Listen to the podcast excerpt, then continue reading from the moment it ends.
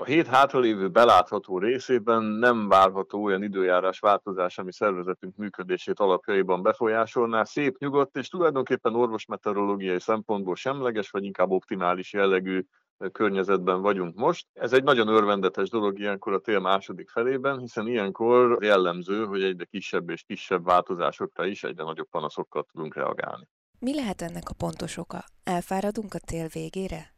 Hát ennek nagyon sok oka van. Az egyik lehetőség az, hogy ilyenkor azért a tél végén a szervezetünk már igencsak belefáradt a téli időjárásba, a téli táplálkozásba, a mozgásszegénységbe, és egy olyan pszichés átalakuláson is keresztül megyünk ilyenkor, ami teljesen észrevétlenül, de a saját panaszaink felerősítésének az irányába fog hatni. A másik lehetőség az az, hogy ugye a télen kényszerűségből egy oldalú táplálkozás miatt a bevitt tápláléknak ilyenkor sem a mennyisége, de még inkább a minősége is hát nem üti meg azt a szintet, amit nyár közepén, nyár végén szoktunk esetleg elfogyasztani, így a szervezetünk anyagcsere folyamata, illetve a pszichés állapota is változik, és ennek a kettőnek az eredőjeként esetleg kialakulhat egy ilyen fokozott érzékenység időjárás változásra.